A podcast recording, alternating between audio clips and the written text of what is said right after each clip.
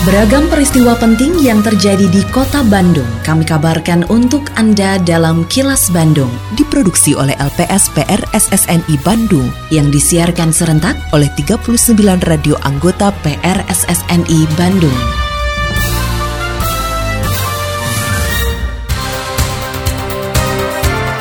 Sejumlah informasi aktual kami hadirkan untuk Anda dan inilah informasi utamanya.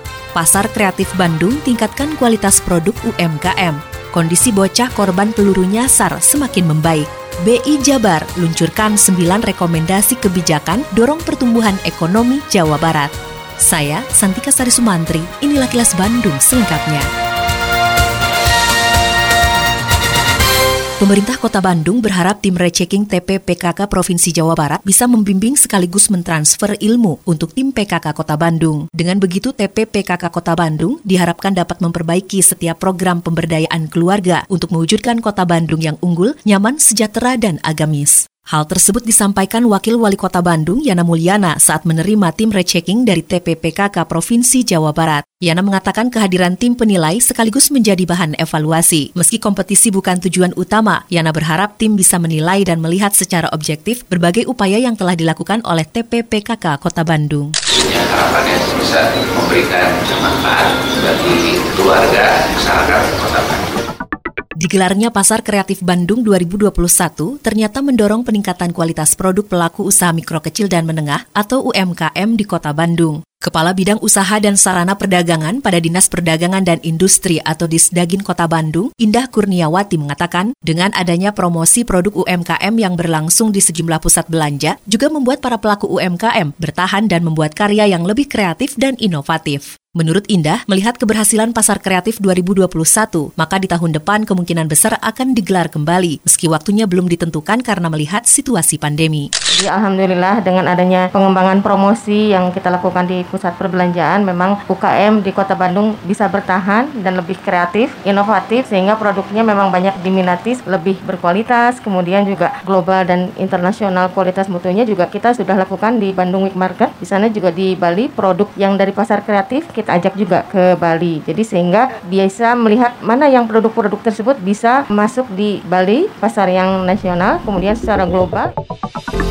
Assalamualaikum warahmatullahi wabarakatuh. Sampurasun. Saya Kenny Dewi Kaniasari Kepala Dinas Kebudayaan dan Pariwisata Kota Bandung Menginformasikan kepada Mitra Pariwisata Kota Bandung Bahwa berdasarkan Peraturan Wali Kota Bandung Nomor 103 Tahun 2021 Tentang pemberlakuan pembatasan kegiatan masyarakat level 2 di Kota Bandung. Selama pelaksanaan PPKM level 2, kegiatan usaha jasa pariwisata hiburan yang diperbolehkan yaitu karaoke, pub, bar, dan klub malam. Kapasitas pengunjung dibatasi sebanyak 30% dari kapasitas gedung atau ruangan dengan waktu operasional pukul 4 sore hingga 9 malam. Selama pandemi, kegiatan seperti panti pijat, refleksi, mandi uap, spa, atau massage, dan biliar tidak diperbolehkan. Adapun ketentuan mengenai kapasitas, waktu, dan teknis kegiatan atau event dan atau konser seni, musik, budaya yang dilaksanakan di luar ruangan ditetapkan oleh Kepala Dinas Kebudayaan dan Pariwisata Kota Bandung. Pengelola fasilitas atau penanggung jawab kegiatan wajib menggunakan aplikasi Peduli Lindungi untuk melakukan screening terhadap semua pengunjung dan pegawai, serta wajib menerapkan protokol kesehatan secara ketat. Ayo bersama-sama melaksanakan protokol kesehatan dengan disiplin. Iklan layanan masyarakat ini dipersembahkan oleh Dinas Kebudayaan dan Pariwisata Kota Bandung.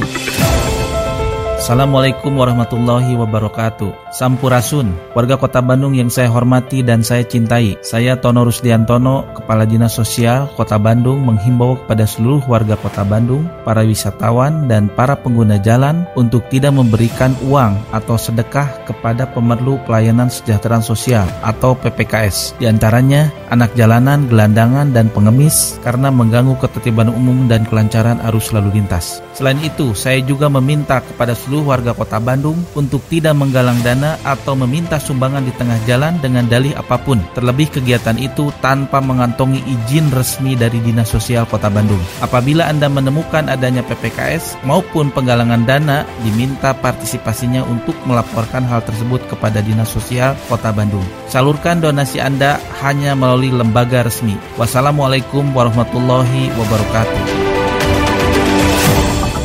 Pasca dilakukan operasi oleh tim dokter di Rumah Sakit Hasan Sadikin atau RSHS Bandung, bocah yang menjadi korban peluru nyasar, kini kondisinya semakin membaik. Korban yang berusia 10 tahun tersebut merupakan warga kampung Babakan Cianjur, Kecamatan Ciamplas, Kabupaten Bandung Barat. Direktur Perencanaan Organisasi dan Umum RSHS Bandung, M. Kamaruzaman mengatakan, tim dokter yang menangani operasi berhasil mengangkat satu butir peluru yang bersarang di punggung korban. Hingga saat ini kasus peluru nyasar tersebut masih diselidiki oleh Satreskrim Polres Cimahi. Langsung kita lakukan pelayanan di IGD dengan tindakan triase dan sebagainya. Kemudian dilakukan pengeluaran proyektil peluru yang ada di area pinggang di tengah dan kondisi saat ini pasien tersebut sudah makin membaik.